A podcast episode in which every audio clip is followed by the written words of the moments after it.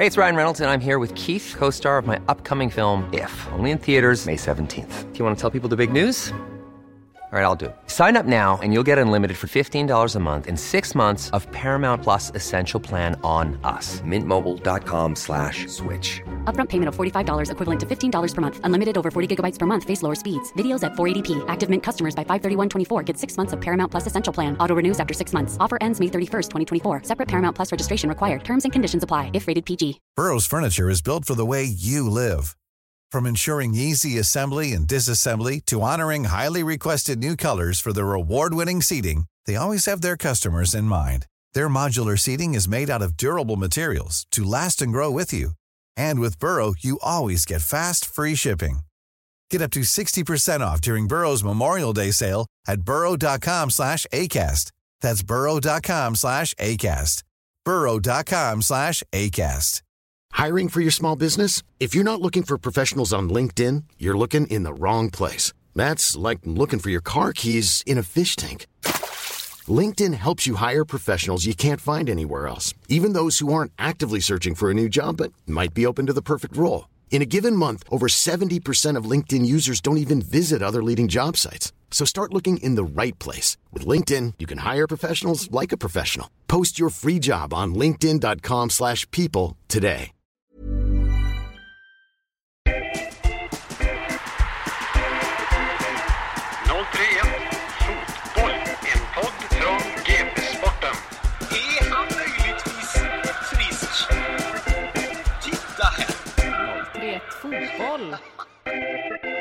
Säger vi varmt välkomna tillbaka till eh, 031 Fotboll. Vi har ett avsnitt i veckan nu när Linus fortsätter hålla sig frisk. Eh, dagens gäst är nästan så första gästen, man behöver inte presentera honom i den här stan, men eh, vi kan väl ändå säga att han var med i VM 94. Han har flera utlandssessioner. Han har haft fyra sessioner tror jag till och med i IFK Göteborg och har dessutom varit sportchef i klubben. Vi säger varmt välkommen till eh, Håkan Mild, glasskungen idag. Tack så mycket. Och Linus, du är frisk denna veckan med. Jag är frisk den här veckan med.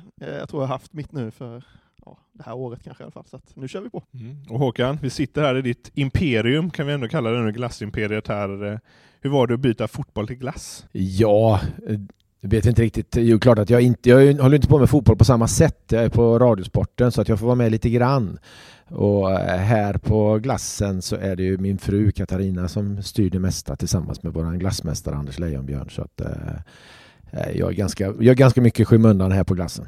Ja, Jag var fascinerad att han, han heter Lejonbjörn alltså. Ja, det är ett, det är ett taget namn eh, är det ju, men det är ju ganska coolt ändå. En fantastisk, eh, fantastisk kunnig glassmästare. Jag tror inte det finns någon, eh, kan inte finnas någon bättre i Sverige. Har han tagit det efter, efter företagsnamnet eller tvärtom? Eller det måste ju finnas någon story. Ja, eh, så var det. Jag kan inte det fullt ut, men han och hans fru skulle gifta sig och det, ingen var nöjd med respektive namn, så det blev det Lejonbjörn. Det var väl kanske eh, lite humor i det från början, men det blev allvar, så det är ju ganska coolt. Vad är din roll här egentligen? Direkt när jag slutade på IFK så vi hade vuxit ut våra lokaler i eh, Gamlestan på Lejon till Björnen. Så min uppgift blev på eh, här och försöka skaffa nya lokaler och se om vi skulle bygga eller om det fanns befintliga lokaler. Så det eh, tog jag tag i och, och började med. Så det blev väl mitt ansvar med på till Björnen. Sen är jag ju alltid så att det är någon som är sjuk eller någon som kanske behöver vabba och sådär och då hoppar jag in i frysen eller i produktion. Eller. Så att det är alltid alla. Och har man ett, ett familjeföretag som vi har så får man göra allt. Det kan vara att köra lastbil eller vad det nu än må vara. Så du hoppar in ibland och öppnar på 100 paket smör om dagen? Du, jag har inte behövt göra det så ofta, men någon gång har jag varit med och öppnat eh, när vi gör ekologisk vanilj så är det ju en kilos smör. Och idag så var det runt 200 som ska öppnas och det tar ju sin tid så att det får man vara med och hjälpa till med, absolut. Visste du någonting om glass innan ni drog igång det här? Att det var gott gissar jag? Äh, Att det var gott och eh, när jag kom till IFK tidigt så var man, alla bodde på Hisingen. Och eh, på någonstans större, ju bättre man blev, inget fel på Hisingen, men ju bättre man blev desto närmare stan fick man bo. Så ser det inte ut riktigt idag, men detta är ju ganska länge sedan. Och eh, jag tror det var Anders Bernman som sa att de ska inte ha några aveny, avenykasanover så att man skulle bo utanför, eh, utanför stadens kärna lite grann. Då. Men jag bodde i alla fall ute på Bländasgatan. Och så, ju bättre man blev, eh, ju längre in till stan fick man eh, flytta. Och så på något sätt så vet jag att eh, Peter Eriksson, hans, eh, han fick, man fick en bättre lägenhet eller om man flyttade till hus, det kommer inte jag ihåg riktigt. Så jag fick hans lägenhet i Olskroken. Och det var först då jag började veta vad Lennart och Björn var. För då gick man ju på Danska vägen och köpte glass efter träningen någon gång. Sådär. Så att, eh, jag hade ju koll på Lennart och Björnen men det är framförallt min eh, fru som letade ett litet producerade eh, bolag. Och så blev det och Björn att vi kunde komma över det. Så det är hennes förtjänst, inte min. Blev det bara en glass då och då efter träning eller blev det varje dag? Nej, det blev inte varje dag. Absolut inte. Men eh, någon gång då och då. Innan vi fortsätter med våra frågor så har vi faktiskt en fråga från förra veckans gäst Erik Friberg. Men då, då, då frågar jag han vad som har inbringat mest pengar av fotboll eller glass då? ja. ja, det är fotbollen. Ganska överlägset. Än så länge. Än så länge, men Ja, glass, glassen hinner gå om gissar jag. Innan Ja, du det hoppas vi. Det hoppas vi. Men eh, jag håller på med fotboll i nästan 30 år. Så det är klart att det ligger lite lä med glassen än så länge. Så det är klart att fotbollen har dragit in mest kulor. Även om du inte är fotbollsspelare i dagens läge så det var ändå bra pengar på den tiden. Det går inte att jämföra med hur det var idag, eller hur det är idag, men eh, visst var det så att man var extremt privilegierad att hålla på med fotboll. Och jag kom ju den skarven lite grann. Vi var ju inte, vi var inte helt professionella på den tiden. Vi jobbade ju halvtid. Men eh, jag gick ju till Schweiz till Servette när jag var 22 tror jag. Och sen efter det när jag kom hem så, så har man ju kunnat vara professionell, helt professionell. Och, och lönen har ju gått upp, upp också med, tv-bolag och så. så att, eh, kan inte gnälla över lönen jag hade som fotbollsspelare även om den var den eh, var lägre än vad det är idag naturligtvis. Vad tjänade du mest av? För det var Schweiz och så var det Spanien och så en runda i England. Ja, eh, Spanien, eh, Spanien och England var ju de bästa lönerna jämförelsevis med de andra två länderna. Och när jag flyttade ut som 22-åring så eh, största anledningen att jag flyttade utomlands eh, då, dels var det ju att man eh, blev eh, på något sätt privilegierad att man kunde träna fotboll på heltid. Det var ju framför allt det. Sen hade vi en bra lön också. Eh, Då tjänade man inte speciellt bra i, i IFK utan eh, då var det matchpremier och sånt som gjorde att man eh, kände okej. Och alla hade ju i princip jag ska inte säga att man hade samma löner för det är klart att det var spelare som Thomas Ravelli och Stefan Rehn som tjänade mer. eh, Självklart. Men matchpremier och sånt hade alla lika när du lirade. Liksom. Så att, eh, och det var ju där det blev en, en någorlunda lön. Då. Det var inte på eh, den normala lönen. För det var ju bara en liten del i och med att vi jobbade också. Vad jobbade du med då när du var fram till 22 då när du behövde ha ett sidojobb? Först jobbade jag på Djurgårdsskolan. Eh, I uppehållsrummet där. Så att jag spelade pingis och grejer. Jobbade. Ja precis, men det var ju lite så. Jag var lite fritidsledare också så hade man eh, fritt valt, hette det väl på den tiden, någon timme och då var det idrott, då, spela innebandy och fotboll och lite sådär. Och en fritidsgård på några, några kvällar någon gång då och då också. Eh, Men det var inte så länge, det var något år bara och sen började jag jobba på ICA på PR-avdelningen med Peter Wiklander. Det känns som att alla i Blåvitt på den här tiden hade jobbat på ICA och det känns som att vissa jobbade kanske och vissa jobbade inte så mycket. Nej men jag jobbar definitivt. Det spelar ingen roll om vi kom hem tre på natten efter en bortamatch så började jag jobba åtta. Det var ingen fråga. Så var det. Sen är det möjligtvis att någon annan inte kanske gjorde det på det sättet men nej, det gjorde vi. Det är nu du ska tvingas och du alltid jag tvingar honom att hänga ut någon. Ja, ja, så jag brukar säga på den, häng ut någon. Häng ut någon. Ja, man, man vet att Håkan gör sällan det, så att det är inte ens värt att hetsa honom och sådana här grejer längre. När insåg du Håkan att eh, du faktiskt skulle kunna leva på din fotboll? Var det då när du var 22 och det blev Schweiz? Ja, men det kanske var... Eh, man levde ju på sin fotboll naturligtvis innan, men... Eh, och det hade man väl gjort om man vann matcherna. Eh, inte annars kanske det inte var så fett då. Men det gjorde man väl ganska tidigt. Jag flyttade ut som... Jag flyttade bara, bara 16, 16 när jag flyttade till IFK Göteborg och då levde jag ju på fotboll. Så att jag förstod väl tidigt att det här är någonting man kan göra men man behöver vara bra då. Så det gäller att träna och, och visa framfötterna men jag förstod väl tidigt att man att man kunde leva på det även om det inte även om inte man tänkte kanske så. Eh, utan det kom lite senare. Och det är klart först när man fick ett avtal i Schweiz då, som var tio gånger bättre än det man hade i, i Göteborg så förstod man att, att att eh, gör man det riktigt bra så kanske man kan spara en slant. När du var i Blåvitt då, om man den grundlönen hade då som man kanske inte kunde leva på utan matchpremierna, vad låg den på på den tiden? Ja, mitt första A-kontrakt, det är ju preskriberat sedan eh, många, många år tillbaka. Mitt första A-kontrakt eh, var 9000 kronor Men då hade man en garantilön som var 9000 kronor. Och det var ju att man, de, eh, IFK betalade upp från ditt arbete upp till 9000. Och jag tjänade 5400 kronor på Djurgårdsskolan. Så att jag tjänade 3 6 då i eh, IFK de första åren. Och sen vad låg premierna på då? För de måste Ja, redan då låg den på 4 500.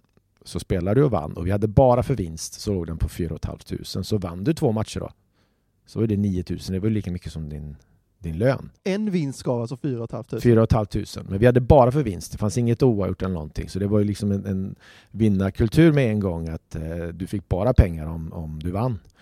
Samtidigt var det ju under den tiden så tog det några, något år så var vi, spelade vi i Europacupen också. Och då hade alla, vilket du spelade eller inte, hade du eh, samma, samma bonus. Samma pengar. Så en, en vinst så hade du tjänat nästan lika mycket som du gjorde på en månad på Ja, om jag, om jag spelade. Om In- spelade.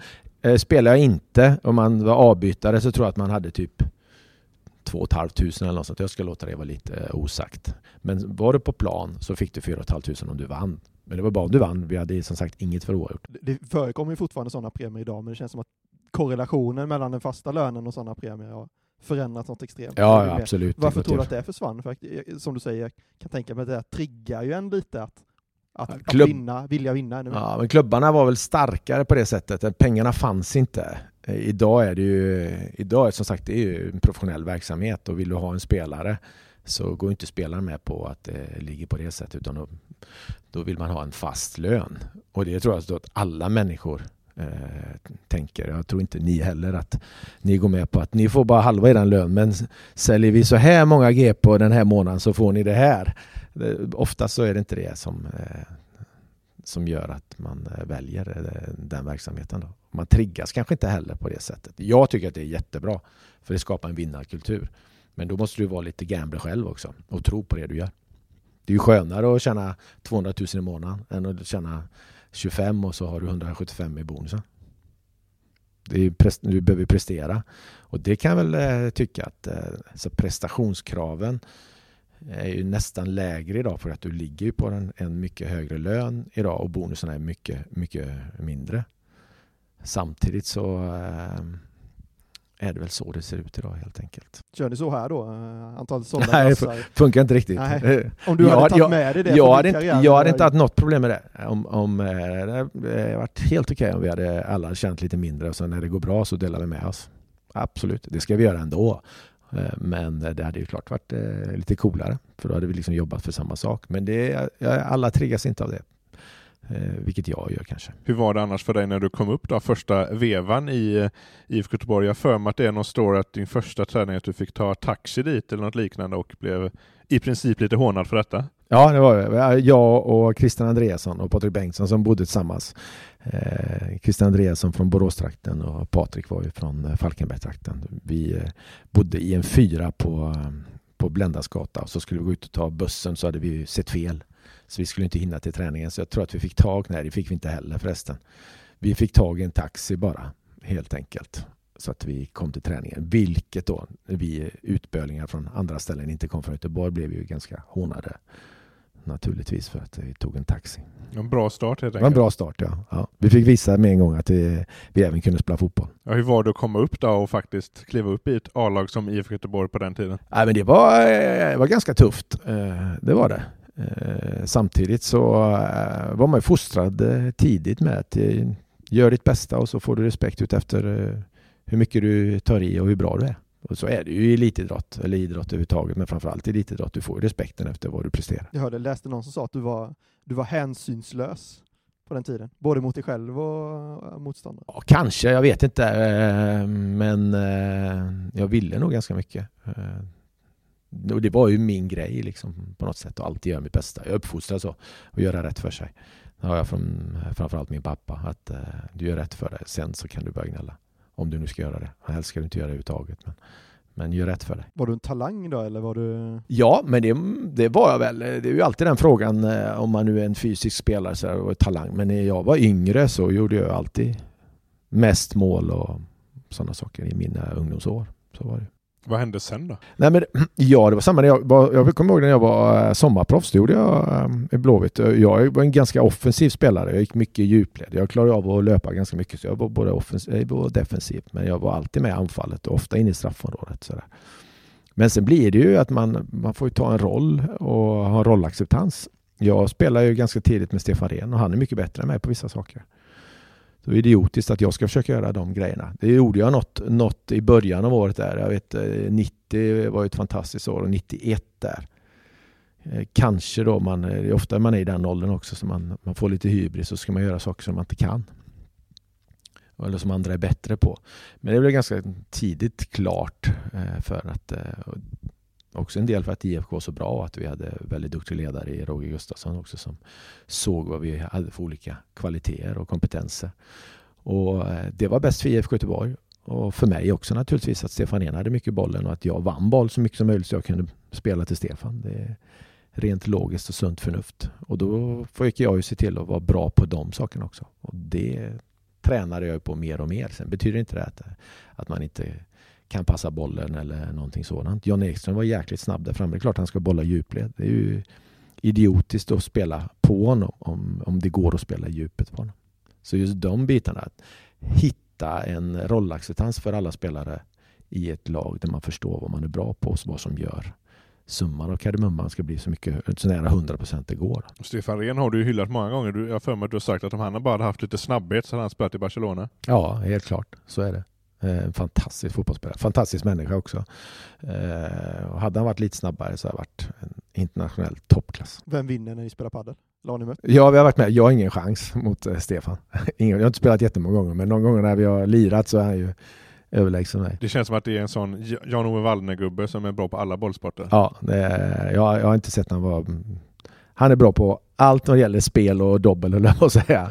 Allt sånt. Så Trav och sånt håller han absolut, också på med. Absolut, jag kan ingenting om eh, sånt, men han är, nej, nej, han är bra på. Annars då, för din egen karriär, spelarkarriär, så är det väl den där sommaren 94 som är det höjdpunkten? Ja, men det, det, är klart att det var. Sen har jag ju så många fina minnen, framförallt med IFK Göteborg och där ligger ju eh, det ligger väldigt nära hjärtat på något sätt med killar som man har växt upp med och fostras in med och när man vinner tillsammans med många människor man gillar. Därmed inte sagt att jag inte gillar landslag, för det är klart jag gjorde. Så har det en, en annan kanske betydelse som eh, ligger närmare hjärtat och lite varmare. Men det är klart att ser man ur ett eh, idrottsperspektiv så är VM 94 otroligt stort att få vara med och spela. Dels mot så många bra spelare men att spela med så många fantastiska fotbollsspelare som jag hade eh, eller som jag fick göra. Eh, typ med Tern och Brolin och Dalin och eh, ingen nämnd, ingen glömd där men där alla egentligen just då pika och eh, var i toppform. Det är ju en eh, fantastisk känsla. Så när man tänker tillbaka på det så är det ju otroligt kul. Nu är jag snart 50, det är, det är 25 år sedan. Det är ganska länge sedan. Så att, eh, minnena falnar ju lite grann men eh, det är klart att det är otroligt kul att ha med sig det. Vad är det första du tänker på då? Vad är det första liksom, minnesbilden som kommer upp när man tänker tillbaka på? Ja, det är klart att eh, eh match om tredje-priset är väl det som, som kommer upp eh, snabbast. Sen finns det andra eh, bitar. Träningar som var eh, extremt tuffa mm, innan, innan VM startade. Jag tror det var i San Diego vi var från början där och vi hade riktigt tuffa träningar. Som jag kan liksom minnas så riktigt nästan euforiskt. Och då var jag med västarna. Och var man med västarna så var man ju det lag som inte skulle spela. Och det var alltid, men någon slags så är väl väl underdogs lite grann. Det är alltid kul att, att få tvåla till de som ska vara bra då.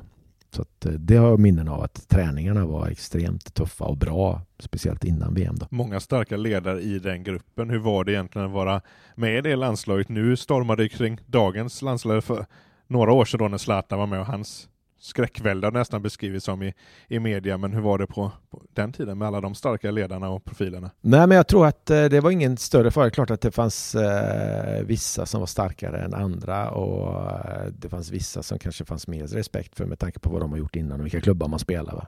Men då hade vi ju, det var ju ett ganska stort gäng från IFK Göteborg och det var ett ganska stort gäng från, som var Malmö FF eh, eller från Skåne eh, inte för att man spelar i Blåvitt eller, eller i Malmö då, men som ändå fostrats tillsammans i lag. Och det tror jag Tommy Svensson och Tor Grip gjorde väldigt bra för det fanns en, även där en, eh, en ödmjukhet att spelar du inte eh, så eh, stöttar du ändå laget för du, du var fostrad in och se till så att laget var bra. Den där, det är klart att det fanns individuella eh, tankesätt där också men det egot eh, upplevde aldrig jag någon. Sen är du tillsammans i sex veckor och inte får spela, det är inte så kul. Så det är klart att någon gång var det någon som surade ihop mig, det var ytterst lite. Att man hade fått ihop det på ett bra sätt. Så jag, jag kände inte att någon eh, stod över någon annan även om eh, klart det fanns de som hade större erfarenhet och, och fick lite mer respekt. Men det är så är det Det är inget konstigt. Hur var den rivaliteten då? För de eh, engelska landslaget med Golden Generation, de har ofta pratat om att den rivaliteten mellan United, Liverpool och Arsenal den, den blev för stor. De kunde inte riktigt hantera den när de spelade ihop faktiskt. Det var egentligen inga problem. Det är otroligt bra eh, killar som Patrik Andersson och Jonas Stern och Dalin bland annat. Liksom. Det var eh, inga problem alls. De är väl kanske lite mer individuella än vad vi var i IFK Göteborg. Samtidigt så eh, tar du Ellingmark och Micke Nilsson, Teddy Lucic, Jesper Blomqvist, Stefan Rehn. Alltså du måste ha bra killar som ska klara av att sitta vid sidan också som är med och, och har den ödmjukheten. De är ju helt fantastiska. Det kanske inte Skånespelarna har klarat på samma sätt. Samtidigt så behöver du den individualismen också som driver det framåt. Eh, så att eh, kombinationen som var mellan det var, eh, var riktigt bra och det skapade framgång. När man lyssnar på, tillbaka på äldre poddar som du har varit med i så pratar du ofta om det här att du älskar lag, du älskar bygga grupper och sådär. Var VM 94-gänget ett perfekt lag ur den bemärkelsen? Ja, men det vill jag nog säga, för man hade både individualismen och och grupptänkandet, vilket du måste, det har alla. Man vill ju spela, även om du är med i ett lag så vill du alltid spela och får du inte spela är du ganska grinig. Eh, men du får ju se till så att inte det går ut över, över laget och det är inte alltid så lätt att hantera det. Eh, men det klarar man av och jag tror att eh, naturligtvis var det väldigt, väldigt bra fotbollsspelare som var VM 94 men gruppen och klara av att hantera, vara tillsammans så länge och ändå skapa energi till varandra. Eh, det behöver du vara ganska god människa för att klara av och det hade eh, Tommy och Tord verkligen fått ihop. Är det det bästa laget du har spelat i? Ja, men det är det väl. Eh, absolut. Det fanns, I det laget fanns det fysik, det fanns teknik, det fanns snabbhet, det fanns styrka. Och det fanns en otrolig vinnarmentalitet. Det var väl framför allt det, att det fanns en sån stark vinnarmentalitet. Och det fanns det ju från Göteborgshållet och det fanns det ju definitivt från, från Malmöhållet också. Då, så att, eh, den var ju en, en otrolig bidragande kraft också att vi gick så långt. Innan vi släpper 94 så fattade ni själva att ni skulle kunna gå så långt på förhand? Tänkte man de banorna eller? Det fanns en sån positivitet eh, i gruppen. Eh, det fanns liksom inga begränsningar. Jag, jag var ju ganska ung så för mig var det bara euforiskt att få vara med där och, och åka till USA och få spela VM eh, och se alla de här världsstjärnorna också. Det var ju bara hur kul som helst. Det går ju inte att misslyckas. Och jag tror att hela, hela laget kände det här att nej, men vi har en, en bra chans. Liksom. Funkar det för oss en bra dag kan vi slå vilka som helst. Och det, det kände aldrig det någon gång att vi var underläge någon gång. Hur var det annars då att vinna med klubben som kanske då ligger mer närmare hjärtat, IFK Göteborg? Ja, det är ju närmre vänner på det sättet så att då, då kanske det fanns en, en ännu större gemenskap och en, eh, en, eh, en glädje att göra det tillsammans. På den tiden så gjorde man ju, även om inte vi umgicks vid sidan om hela tiden, så var det ju väldigt mycket eh, var det fest så gjorde man det oftast tillsammans och var det något annat så gjorde vi det tillsammans. Det var en, vi hade växt upp i utruppen också, ganska många av oss. Så vi var ganska hyfsat gemensam ålder. Det var ju några som var äldre men annars var vi ganska likartad ålder också. Och det har ju också en betydelse. Det pratas ju mycket om att ni tränade, du var inne på det lite innan, men tränade extremt hårt. Ja, det gjorde vi. På den tiden. Träna, träna, det har ju funnits en sån här diskussion att dagens fotbollsspelare tränar för lite. Ja, jag tycker absolut, ja, absolut. Eh, ingen diskussion. Det är säkert många som tycker tvärtom, eh, men i, i, min värld om, om, eh, om det är IFK Göteborg eller vilken klubb det är som vill tävla mot de bästa eh, det är klart att vem ska vi jämföra oss med? Om vi ska jämföra oss med Liverpool så har de de här spelarna. Eh, och de är ju de är fysiska fenomen allihopa. De är, de är ju ditplockade. Eh, på alla sätt. De är ju redan bra. Men det är vi ju inte här. Och hur ska vi kunna bli lika bra som dem? Det är ju inte om att träna mindre. Det är helt omöjligt. Då måste vi träna mer än dem. Och måste träna smartare och vi måste hitta en unikitet för att vi ska tävla mot dem. För så var det ju för oss. Vi skulle ju tävla med alla de bästa. Och hur ska vi kunna vara så bra då så att eh, vi kan slå Bayern München? IFK spelar ju jämt med Barcelona. Slog Barcelona. Vilket i, i sig då eh, mer eller mindre ska vara en omöjlighet. Och det är klart att eh, man får vara rättvis också att idag är det ju klart mycket svårare. Då man, kunde man ha tre utlänningar. Och idag kan hela laget vara ditplockade. Så det är klart att det blir, kan bli, det blir en skillnad, det ska man inte säga något om. Men eh, i min värld så måste ju de allsvenska lagen ha en ambition att tävla med de bästa. Sen är det ju jättesvårt att slå Liverpool. Det är ju jättesvårt. Det kanske aldrig är möjligt. Men om vi på något sätt ska tro att vi ska vara med och konkurrera, då är det ju inte genom att träna mindre. Det måste ju vara att träna mer. Och eh, nej, det, jag förstår inte den alls. Varför man inte tränar tillräckligt mycket. Det, återhämtning är ju extremt viktigt, men någonstans sätter du ribban att, att eh, är det någonting vi ska ha, men då ska vi vara bättre tränare än vad, vad de är idag. Och då kan vi på något sätt försöka vinna på något unikt som vi är bra på. Inte genom att spela på samma sätt som, eh, som Liverpool, för då kommer vi få stryk. Varför tror du inte klubbarna tränar med då? Ja, jag, eh, jag har faktiskt inget svar på det. Jag, sen är det ju naturligtvis så att, att eh, du ska få en grupp med dig och idag så är det ju en, en eh, lustorienterad eh, en lustorienterad, vad säger man, en generation som är som går mycket på lust, som det ska vara kul och det ska vara roligt. Och jag kan köpa det på sitt sätt. Det är en mycket mer intelligent generation också som ifrågasätter, vilket är bra. Eh, min generation eh, vi ifrågasätter aldrig varför vi skulle göra detta, utan vi gjorde det. Vi kanske var griniga, men vi gjorde det. Idag så är det ett annat frågesätt. Ledare måste vara duktigare på att kunna motivera varför vi ska göra de här sakerna. Men eh, det kan vara en del av det, att man inte klarar av att bita ihop och göra den här tuffa träningen som kanske behövs. Ska en ytterback komma 20 gånger på en överlappning så ska han göra det och då är det klart att du behöver vara fysiskt förberedd. Och så ska inlägget vara bra 20 gånger av det också. Då behöver du träna på det. Och du behöver också komma i hög fart. Då behöver du träna på att springa i hög fart och göra det. Och hur många gånger kan man göra det på, på träningar? Liksom någonstans, vi har en mycket större kompetens idag på fystränare, och sjukgymnaster och läkare och vad vi äter och etc. Så det kan också vara en anledning till att det är fler människor som ska ha sitt att säga. Vilket om man nu kan samarbeta på ett bra sätt så borde det vara bättre. Men eh, till syvende och sist så ett långt svar på din fråga. Jag tror fan vi måste träna mer om man gör det idag. Hur var det då för er då när den klassiska generationen med Wernbloom och Bjärsmyr kom upp? För de känns ju som lite den gamla skolan också. Ja, det, de gnällde inte på det sättet. Nej, det fanns inget, nej, de fick inget utrymme för det. Men det är klart att det var eh, griniga dagar också, men det måste det få vara. Det, det föder en vinnarmentalitet också. Man kan kanalisera det på ett positivt sätt efteråt. För där och då när du är trött, då är man ju alla när man blir trött. Man blir inte på bra humör precis. Speciellt inte om någon annan säger till att du ska göra det här också. Då blir det oftast att man eh, grinar ihop lite grann. Men det gäller att kunna på något sätt stötta varandra och skapa energi till varandra. Att nej, men vi ska klara en till. Om det nu är, handlar om fysik, om det handlar om att springa eller vad det är.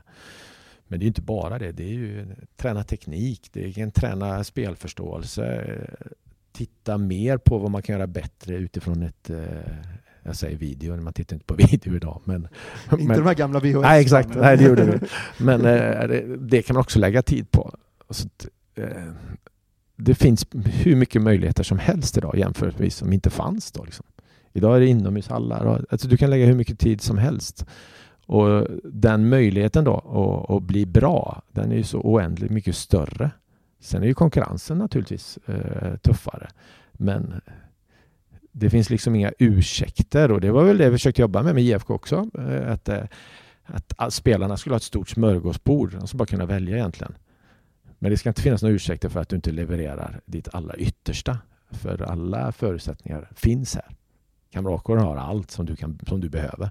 Det finns inga ursäkter överhuvudtaget som säger att du inte kan bli bra. Sen så är det ju alltid tävlingsmoment. Någon annan kan bli bättre, att du inte får kvar. Sen kan du bli sjuk, du kan bli skadad eller vad det än må vara. Men eh, det enda som hindrar det är din ambition och lathet möjligtvis. Då, att du inte lägger ner mer tid. Märkte du att det höll på att ändras redan när du klev över vara sportchef där under de åren? Att spelarna som kom upp, att det var inte samma inställning som kanske tidigare generationer? Ja, men jag kan säga att det, Eh, inställning, eh, de flesta har ju jättebra inställning. Det är klart att det finns eh, undantag som i alla andra verksamheter. Men de flesta har bra inställning. Det är väl kanske att, att få in ambitionen och tron på att nej men, vi ska ju tävla med de som du ser på tv varje dag. Det är ju det som var vår ambition. Att man ständigt återkommande i Europa och klara av att möta de här lagen och, och även slå dem. För det är ju ändå cupform. Det går ju att slå på två matcher så kan du slå de flesta lagen om du har lite flyt. Liksom. Och om du gör väl ifrån dig. Än en gång, otroligt svårt att slå Liverpool då, som är så otroligt bra. Då.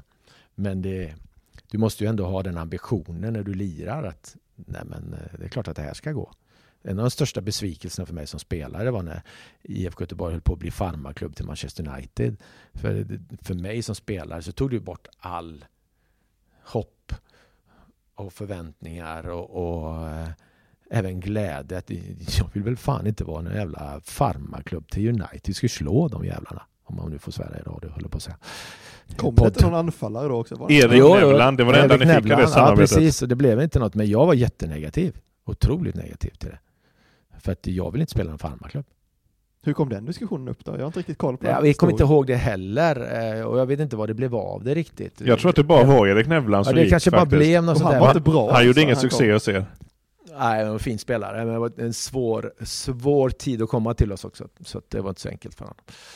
Eh, men just den biten, och det är väl det som kanske nöjd dig inte med att och, och inte bli så bra du kan. Liksom. Men så här då, nu känns det ju väldigt avlägset, men tror du att en klubb som IFK Göteborg i dagens fotboll eller i framtiden kan komma och möta sig med, kanske inte Barcelona och Bayern München, men med ja, men absolut, absolut. Men ett, ett, bra lag i, i Europa, varför skulle det inte bli lika bra som de belgiska lagen? Eller holländska lagen är inte speciellt bra. Det var Ajax och PSV, Feyenoord kanske, men sen är inte de så extrema heller. Det är klart det går att slå dem. Det, ja, det är många svenska lag åker mot ganska, alltså inte, de, det är inte en superlag för, för mig är det en mentalitet. Eh, ett Norrköping förra året när de skulle spela. Eh, då stänger de, eh, då stänger de eh, arenan en del så man bara får ha sittplats. Utan man får inte vara bakom målet för det är ståplats då. Och man måste väl ha sittplats på alla platser tror jag inom Europa. Jag tror det. Och då stänger man av dem. Istället för att, att se till så att det blir sittplats för dem. För det kan man ju göra, bygga på. Då. På något sätt så säger ju klubben då att eh, nej men det är inte så viktigt för oss. Vi satsar inte fullt ut. Marknad, eh, klubbdirektör, försäljning. Nej, men det gör vi inte för eh, det får vi göra lite längre fram. Det är ju jätteviktigt att hela föreningen verkligen står bakom att det är det här som vi ska satsa på. Hela arenan ska vara full. Det ska inte vara två eh, bakom, eller, läktare bakom mål, det är inte en människa. Så mentaliteten är att man vill vara, bli mycket bättre.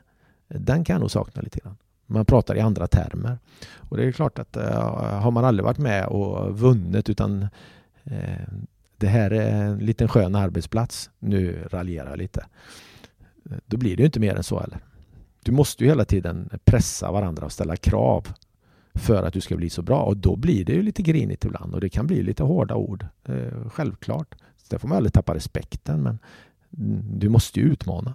Vad tror du då spelare som Pontus Wernbloom och Mattias Bjärsmyr som har kommit hem till IFK Göteborg nu igen kan göra för den här upplagan av jag, jag, nu inte jag, eh, jag vet inte så mycket där för jag har ingen eh, insyn på det sättet men jag känner ju eh, Pontus väl. Han vill ju definitivt vinna. Det är ju det det går ut på. Och han har också varit med och vunnit ganska mycket i, i sina klubbar också. Tävlat ute i Europa.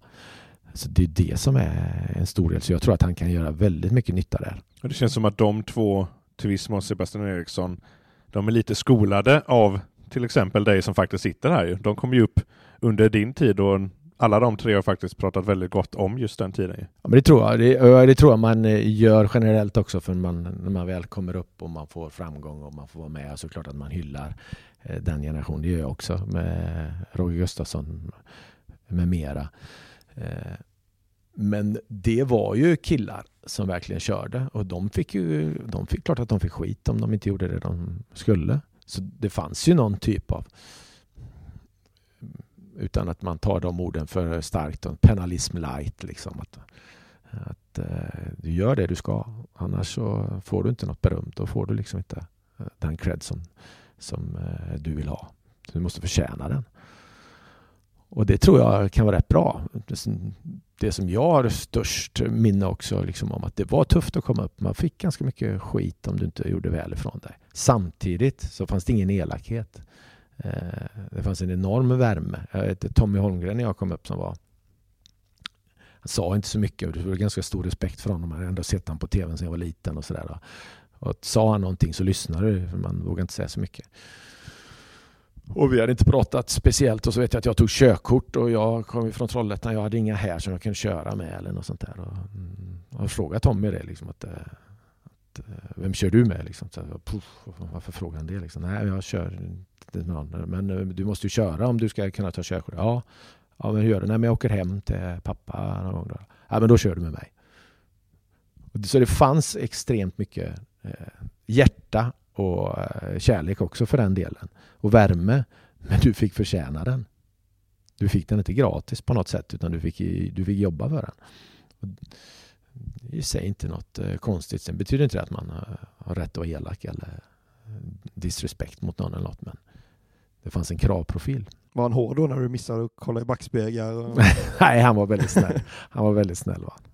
Så det fanns inget eh, på något sätt så. Men man upplever att det var så mycket tuffare för eh, hur många som kanske tror, men det var det ju inte. Det fanns en, en kanske en, en, kravbild som var och eh, man var kanske inte lika mjuk och man pratade inte så mycket i, i psykologiska termer eller mentala termer att man skulle säga eller göra på vissa sätt utan det blev mer i handling.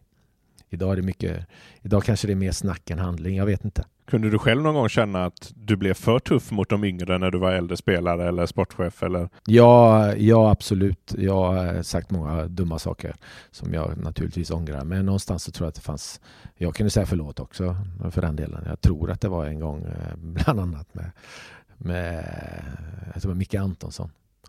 Eh, som vi gjorde Cooper-test han var helt oduglig. Så att jag skällde på honom väldigt mycket. Sa att om du ska spela här så får du nog ta och skärpa till dig. För du är kass. Och just Cooper-test har du rätt ja, att skälla var, lite på. Ja, men det var jag ganska bra. Men han hade ju hjärtproblem så han fick operera hjärtat sen. Så jag fick jag ju åka upp med en blomma och be om ursäkt. du kunde ta död ja, det, det har gått ganska bra för honom ändå. Så att, ja. Nej, men så jag har säkert sagt många dumma saker. Men jag har aldrig varit, jag har aldrig varit eh, jag har aldrig menat eller varit eh, medvetet elak eller något sånt. Men i, hetens, i, i, stundens hetta, då har jag nog sagt många saker som jag inte skulle säga som 50-åring. Nu har inte du varit med när Zlatans landslag på det sättet som det har beskrivits, men Lasse Riss, tidigare landslagsbasen, sa ni till media, ni som inte varit med i omklädningsrum, ni vet inte hur det är liksom. Hur är det egentligen inne i de där omklädningsrummen och på den nivån? Nej, men det kan vara hårda ord, absolut. Men det är en sak att ha hårda ord och säga vad man tycker att vi ska göra. Och så är det en sak om man försöker förnedra någon eller något. Eh, att man säger att någon är kass eller något sånt. Det är ju en helt annan femma. Men att det finns hårda ord och meningsskiljaktigheter, det ser jag inget som konstighet.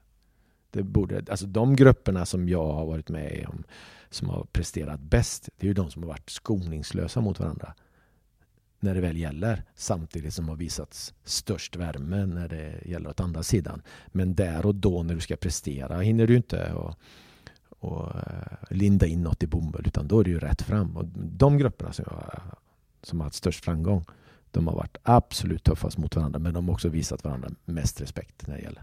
Vi måste prata återigen om Wernbloom och Bjärsmyr och Gustav Svensson. När de då lite bet tillbaka kanske på dig och de äldre, hur reagerar man då? Ja, men på något sätt gillar man ju det. Då. De har ju, hade ju, man ju vunnit lite grann, att det ändå fanns eh, den biten.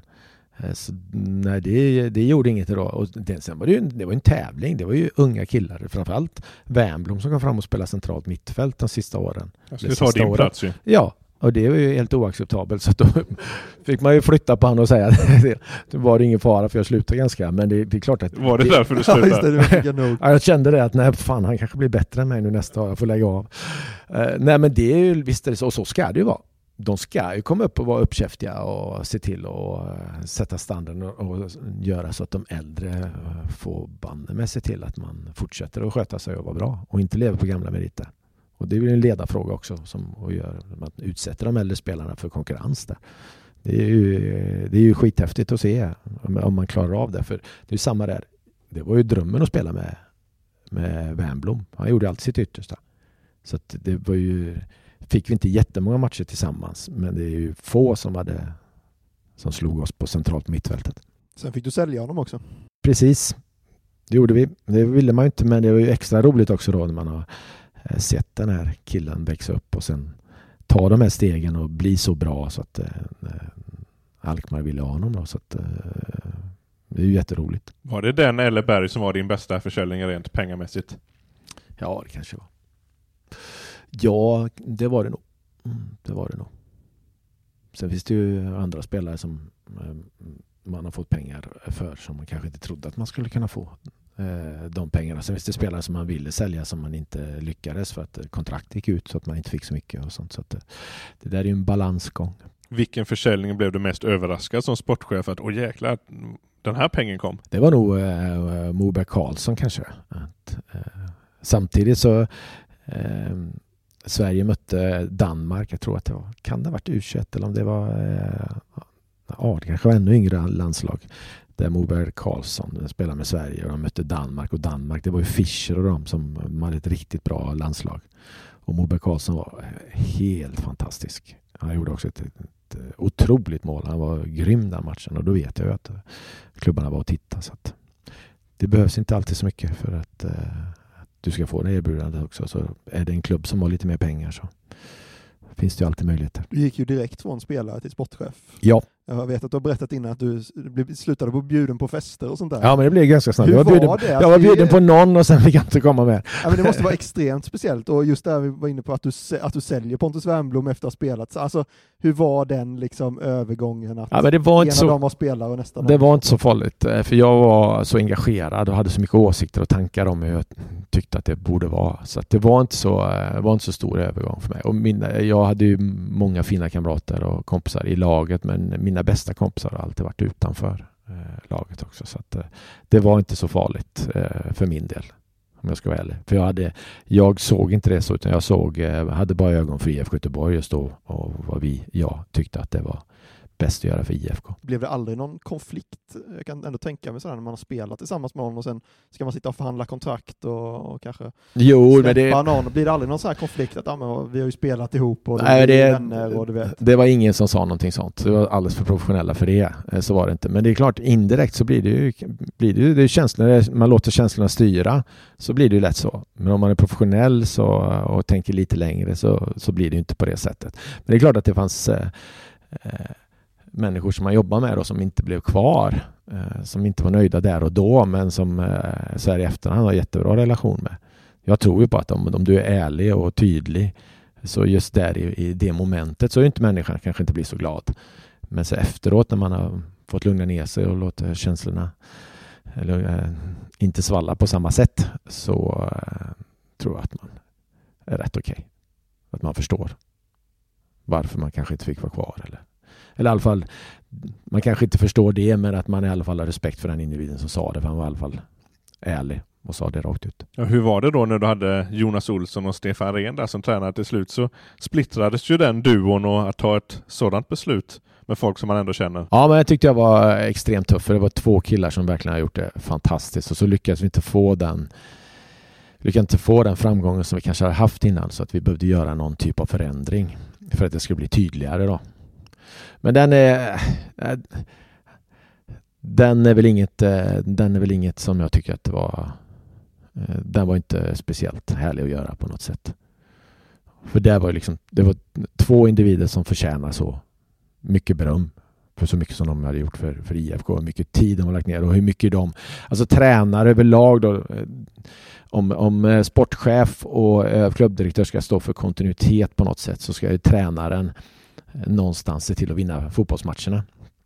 Och det är ganska utsatt och, och, då vill ju tränarna alltid ha så bra spelare som möjligt och få in nya spelare för att man ska kunna klara av och, och nå de målen som man satt upp för annars når man inte de målen så, så ofta så får man inte vara kvar då. Det är idrottens regler någonstans. Men Stefan och Jonas eh, var så mycket IFK-are så att allting som man gjorde liksom, som var bäst för IFK Göteborg det var de, ställde de upp på till 100 procent hela tiden. Trots att det kanske inte var bäst för deras karriär. Då.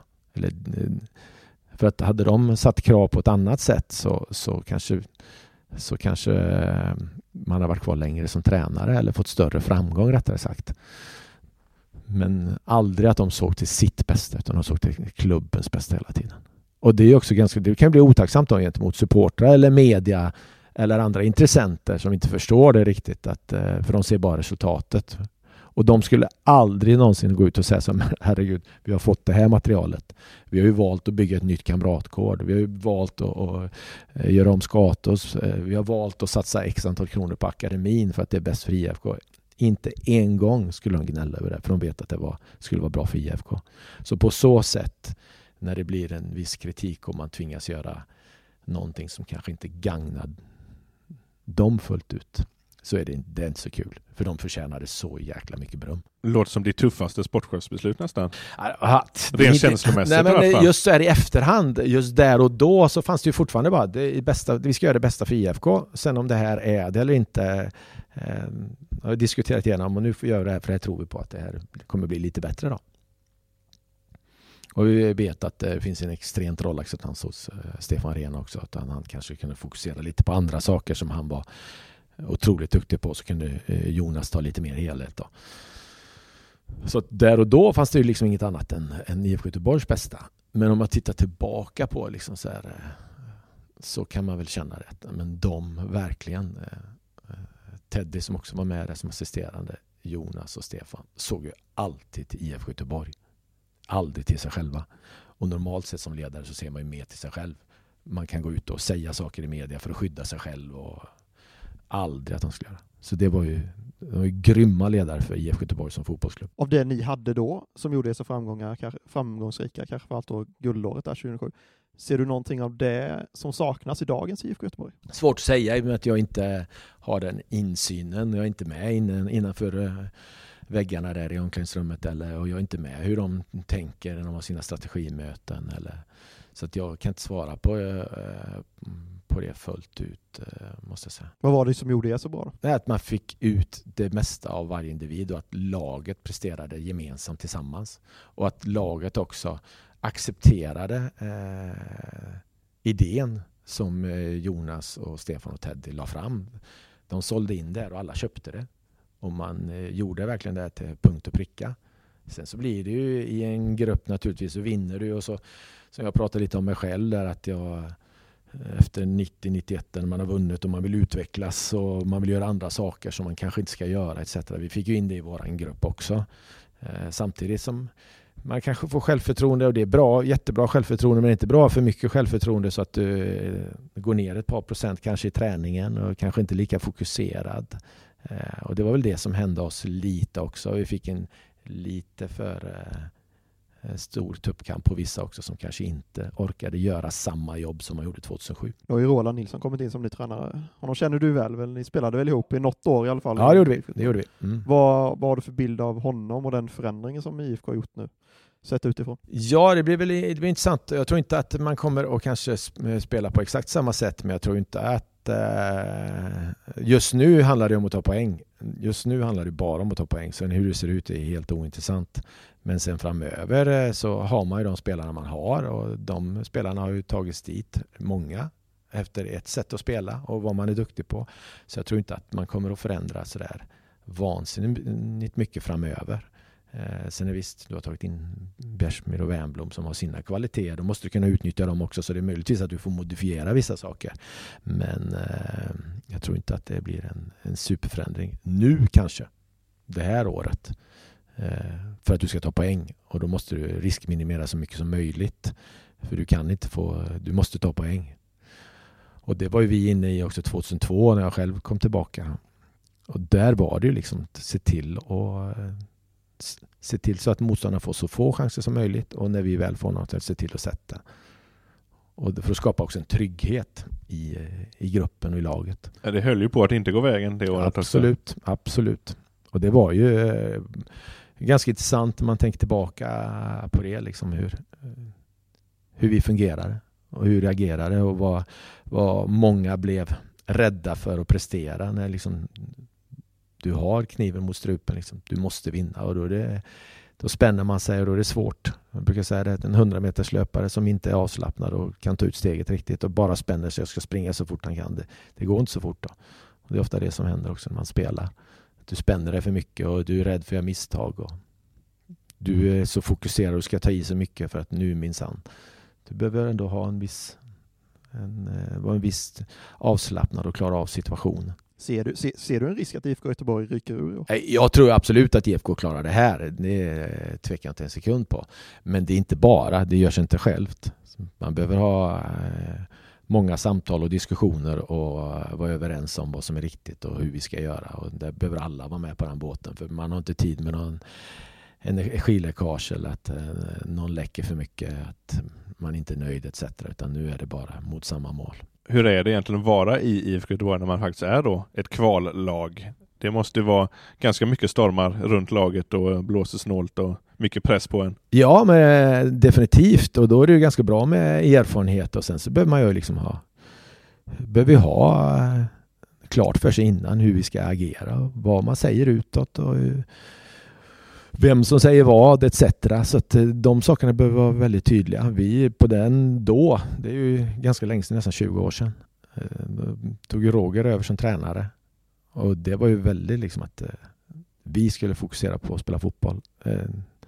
Behöver inte ta något ansvar egentligen mer än att vi ska göra allt vi kan på planen och när vi tränar och se till att, att äta rätt och sova rätt. Det är det enda. Något, allt annat ansvar, det var, det var tränarnas och ledarnas och styrelsens, klubbdirektörens. Så att eh, man tog bort väldigt mycket det här utifrån perspektivet från oss, eller i alla fall man försökte. Sen är då var inte sociala medier på samma sätt, eh, inte media heller på det sättet. Så det var kanske var enklare för oss, men vi jobbade väldigt mycket att ta bort ifrån, utifrån perspektivet och bara fokusera på det vi kan påverka. Tänkte man hela tiden att vi klarar eller var man lite orolig att fan, tänk om vi spelar ur IFK Göteborg? Ja, men det, har ju varit, det vet jag att man, eh, eh, man definitivt tänkte på. Tänk om man inte löser det här. Det har ju varit väldigt skämmigt och pinsamt liksom, gentemot IFK. Då.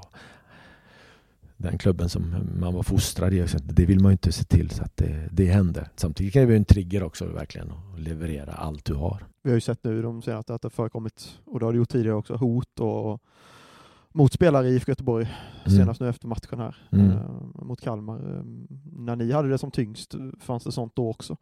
Vi minns ju att Det står fanns, det fanns, eh, jag kan bara svara för mig själv och det är klart, är det missnöje så är det folk som eh, uttrycker det. Eh, så är det ju. Och det är väl hur man hanterar det då på, på olika sätt. Eh, jag har aldrig känt mig eh, jag har aldrig känt mig rädd även om jag har fått den typen av hot. Jag har aldrig känt mig rädd eh, någonsin.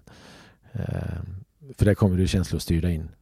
Det sker ofta direkt efter en förlust eller något sånt och då är supportrar som galnast om de är missnöjda. Ja, på din tid måste de nästan sagt det öga mot öga. Telefon Ja. fanns ju visserligen, men Ja, eh, men eh, absolut, ja, eh, så var det. Men då var det, det var ganska lätt att få tag i sin telefon. Och då var det hade man alltid en fast telefon också. Svarade du alltid? Ja, men det gjorde jag nog oftast. Eh, Fast det var aldrig någon som sa vem det var. Så då. Men det var en, en period eh, där det ringde ganska mycket. Då. 2002-året eller?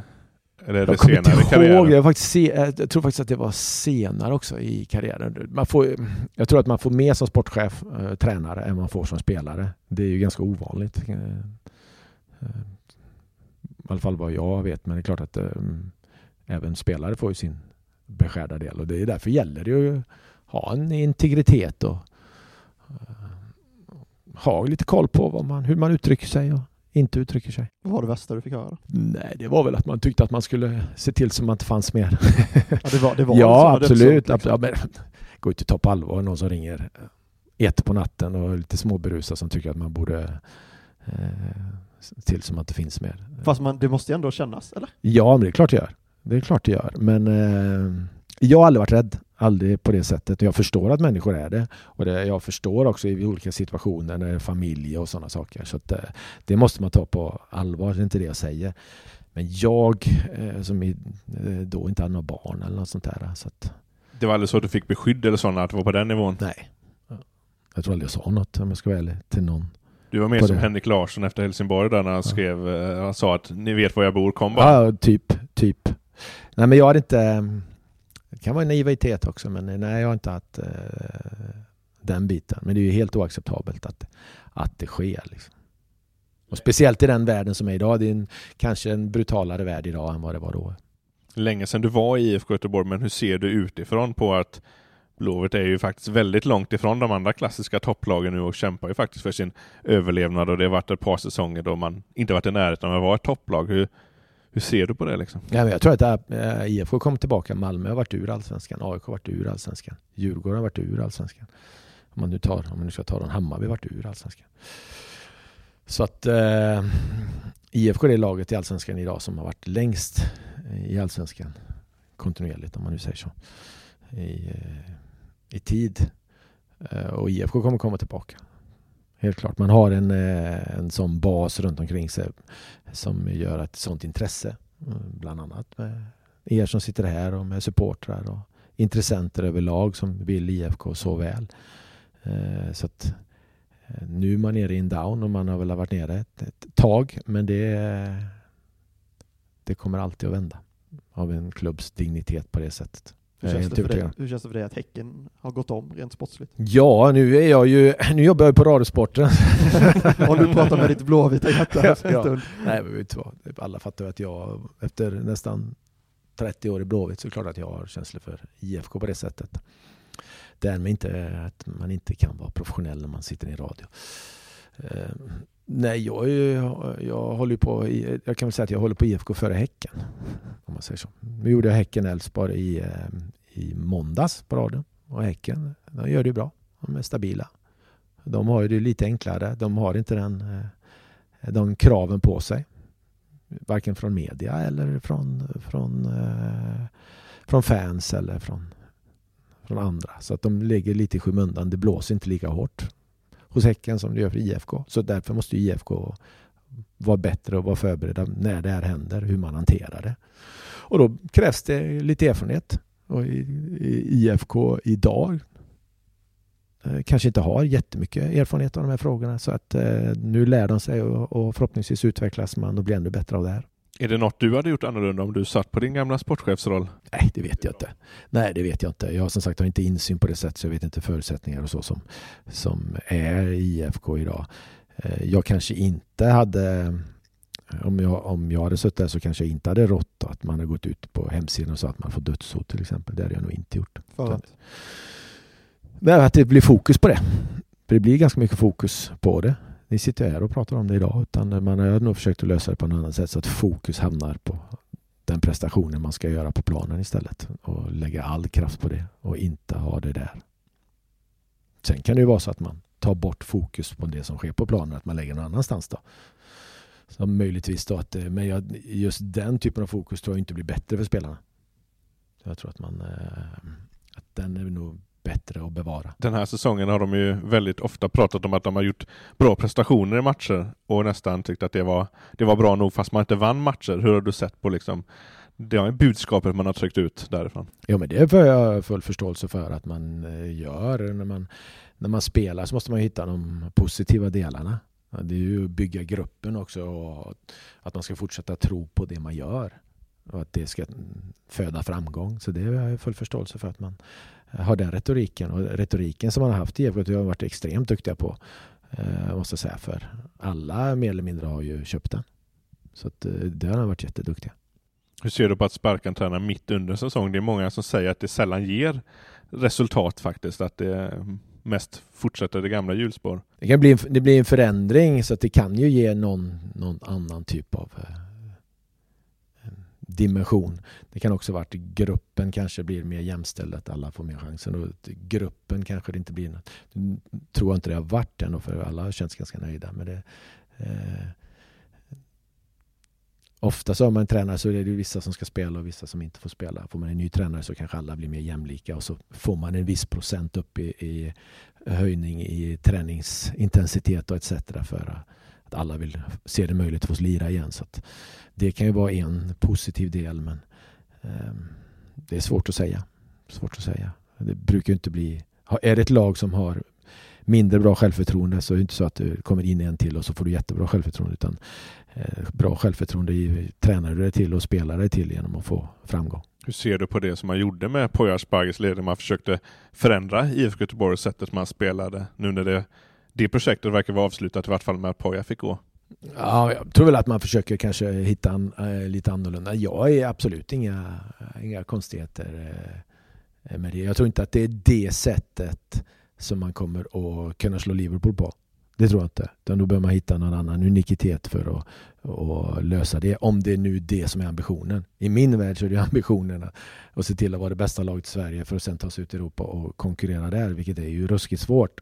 Då hade jag, om du frågar mig, eh, eh, då hade inte jag eh, kanske spelat på det sättet. För det tror jag är extremt svårt att vinna de här andra matcherna. Då.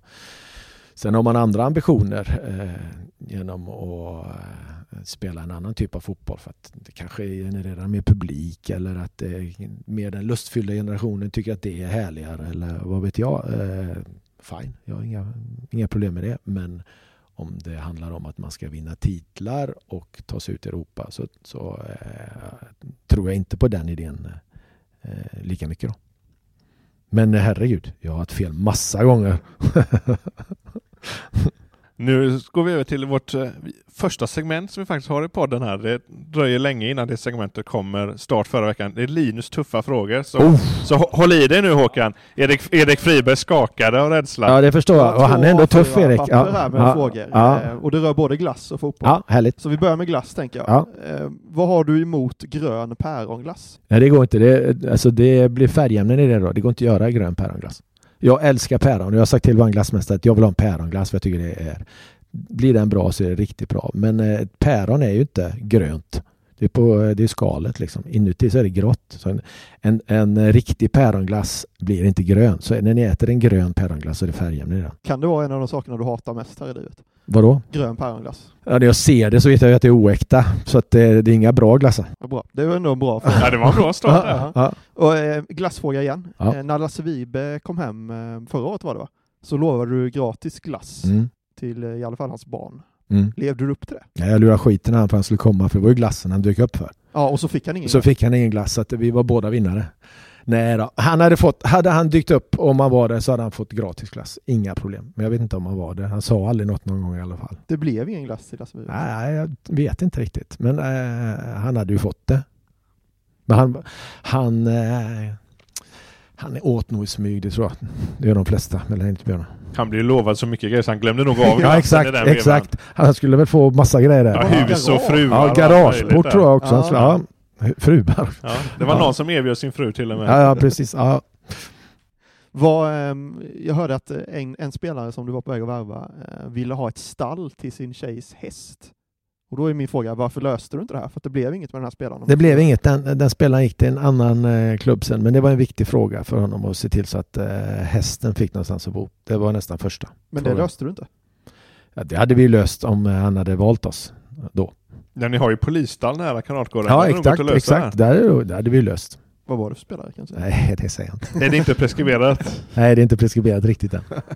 ja, vi kommer tillbaka nästa år med podden. Ja, vi får göra det. Shit, ja. dina bara, frågor bara faller. Nej, nej, nej. det var bra. Håkan är för slipa för dina tuffa ja, frågor. Ja, jag vet. Det, mm. mm. det är så. Mm. Du, VM-bronsmedaljen från 94. Mm. Varför förvarar du den på vinden? Du, den är inte på vinden längre. Min fru har tagit ner den, så den hänger faktiskt eh, den hänger, eh, ja den är nog på övervåningen. Men annars låg den på vinden i många år. Jo, men jag är inte... Jag, är dålig på att ta kort och jag är inte nostalgisk speciellt mycket. Det är ju alltid kul att jag har det i mitt eget huvud. Men jag har ingen, inget behov av att ha ett rum med massa fotbollströjor eller eh, medaljer eller något sånt. Vad hänger den nu då? Nu hänger den eh, ja, på övervåningen någonstans där. Så min fru har satt upp den. Men du vet, du vet inte? Jo, jag vet det. Den, den är ovanför trappen där någonstans. Jag har inte på höger eller vänster sida. Men... Nu hugger jag mellan med en fråga som jag dök upp i mitt huvud. Den tröjan du bytt till dig under din karriär som du faktiskt är mest stolt över, vem är det? Som jag har... Eh, Bytt till dig efter en match sådär. det var nog eh, Rijkaard. För jag tyckte att han var så bra. Jag tyckte han var en av de svåraste spelarna jag har spelat mot. Så Frank Rijkaard är nog en, den då, får jag säga. Inte Paul Scholes då efter den dobb... Nej, jag bytte aldrig tröja med honom eh, faktiskt. Men du eh, fick ett eh, R för Ja, livet. det har jag. Det har jag. Syns de verkligen? Det, det är ju en liten sån här myt känns det som. Eller? Nej, det syns fortfarande, men jag har ju blivit ganska mycket fetare sen den tiden, så det är möjligt att det är... Valkar som rinner över Det är där. precis inte säkert, man får leta lite. Men de finns där? De finns där, ja. Vi gör tv-program nästa år med Mild och visar Ja, den här. Ja, det Jag tror inte det kommer hända. Mm. Men du, eh, som sportchef blir man erbjuden mycket spelare och sådär från agenter och, Mm. och sådär. Du blev erbjuden en, någon som har spelat i Real Madrid, Francisco Pavon tror jag. Ja, Varför tog du inte honom? det är suspekt alltså, varför han skulle vilja spela i IFK.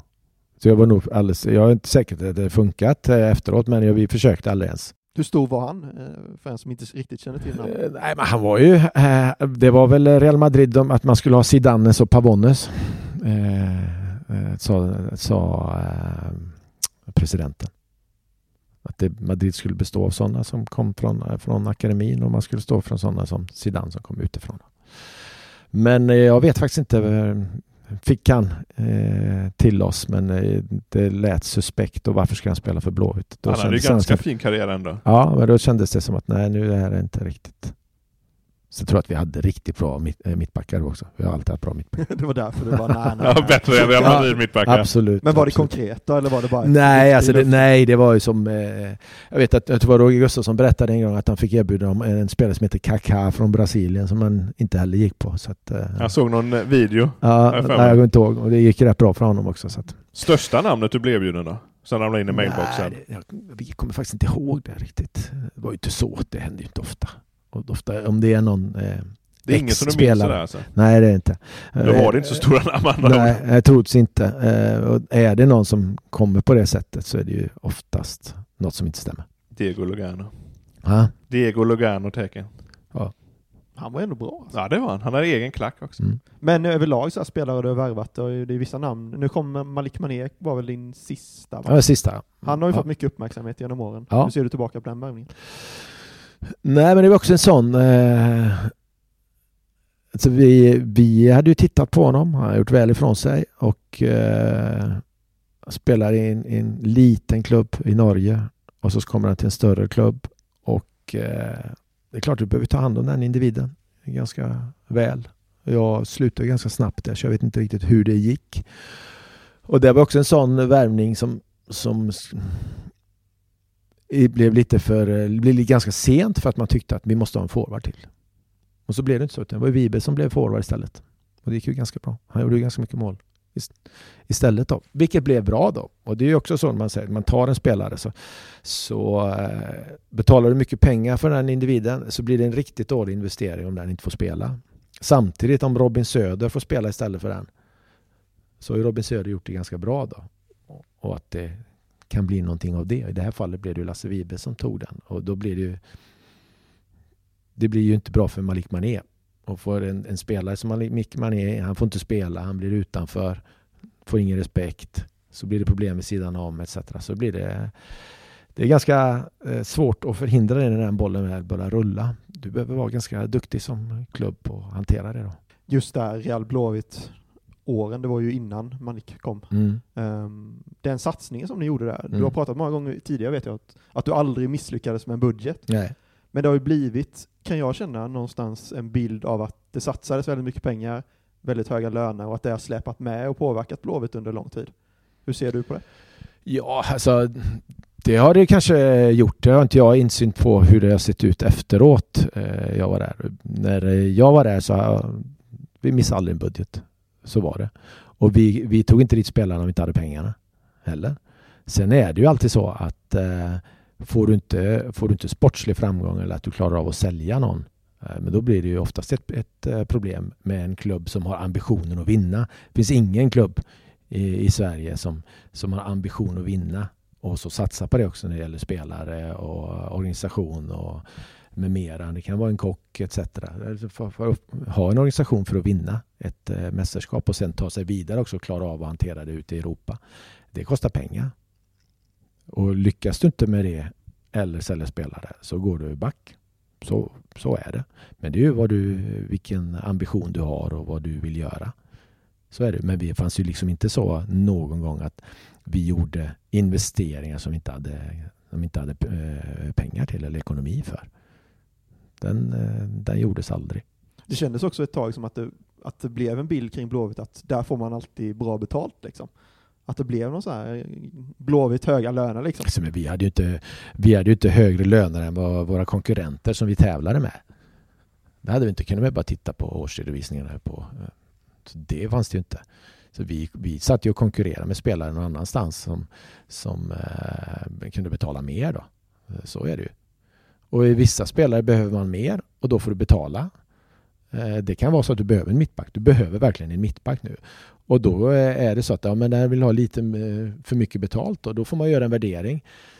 Ja, ta bort honom. Vi tar inte honom och då kan vi se ut så här på planen. Vad innebär det ekonomiskt? Så det är ju alltid en balansgång. Ibland tar du rätt beslut, ibland tar du fel beslut.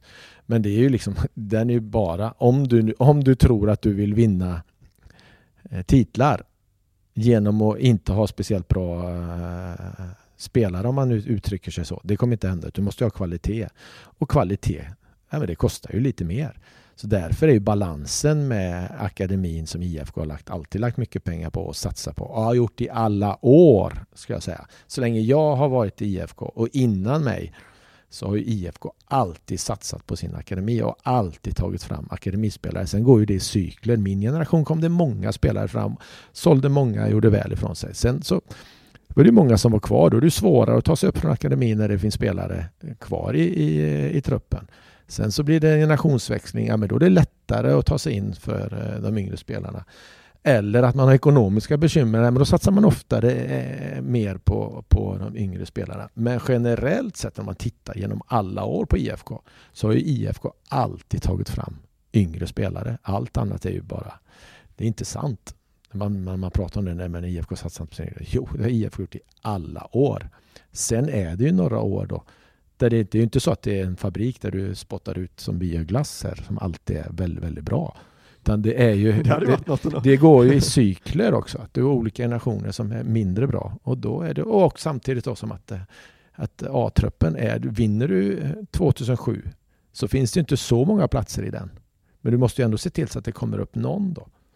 Och det har ju IF gjort i, i alla år. Så det är en balans mellan att få ha de här färdiga Sidanes och Pavones. Det är ju liksom så att ha det även i en klubb som, som IFK Göteborg eller Malmö FF eller vad det nu är. Så att det, det där är ju inget, eh, inget konstigt. Tycker du det har blivit en orättvis bild när man ibland blickar tillbaka mot de åren? Ja, men det är ju jävligt enkelt att sitta och säga så.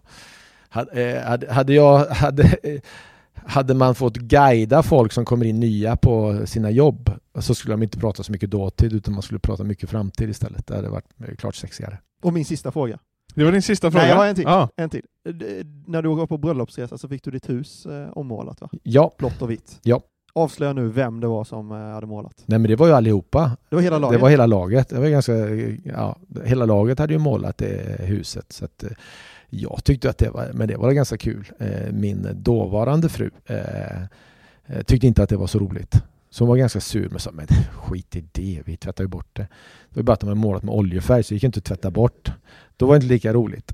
Men eh, vi hade ju en festkassa som eh, killarna fick ta av och måla om i ett hus. Så att jag fick det nymålat. De målade om det sen? Nej, nej, det fick, de fick inte måla. Det får ju bli en firma som Så målar. festkassan gick till att måla om ditt Ja, hus? Du var ja, så hård med det Så alltså. var det, så var det. Mm. Vem var drivande i den här processen då? Eh, Bengan Andersson säger att han inte var med, men jag är helt övertygad om att han var med på något. Han var ledaren, garanterat. Ulme måste ju varit med på något De var ledarna, ja. Hetsade de yngre att måla. Ja, det var ganska roligt. För jag satt på planet hem och, och då fanns det en svensk tidning på planet och jag öppnade mittuppslaget. Ja, det, var, ja, det var speciellt. Men det var kul. Det var mycket kärlek i det. Härligt. Då ska vi få avsluta med att du skickar en fråga till nästa veckas gäster som det förhoppningsvis då blir Mattias Bjärsmyr och Pontus Wernbloom. Oh! De två. Alltså, jag skulle uppmaning. Ja, det kan du göra istället. Uppmaning istället Ja. för fråga då. Sluta spela jävla Fifa och se till att börja träna istället. Ja, det är bra. Bra Jag, slut alltså. jag har liksom sett bilder att de sitter med hela TV. De är, nu är det familjefäder också. De får ju skärpa till sig. Snarare så. Nej, skämt åsido. Det är fantastiska killar som eh, jag tycker väldigt mycket om. Som eh, har mycket hjärta och driv i sig fortfarande. Men mindre tv-spel. Mer Fler fokus. segrar. Tänk, alltså de får ju ägna sig åt sina barn och fotbollen mer än tv-spelen. Det är väl snarare så. Härligt. Perfekta avslutsord. Då tackar vi Håkan Mild för att eh, du gästade oss här. Tack så mycket. Vi är tillbaka nästa vecka. Tack för att ni har lyssnat.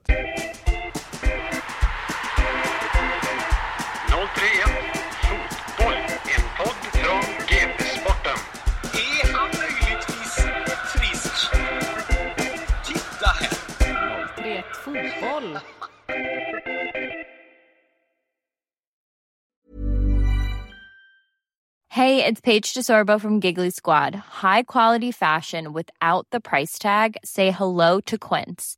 I'm snagging high-end essentials like cozy cashmere sweaters, sleek leather jackets, fine jewelry, and so much more. With Quince being 50 to 80% less than similar brands. And they partner with factories that prioritize safe, ethical, and responsible manufacturing. I love that. Luxury quality within reach. Go to quince.com slash style to get free shipping and 365 day returns on your next order. Quince.com slash style.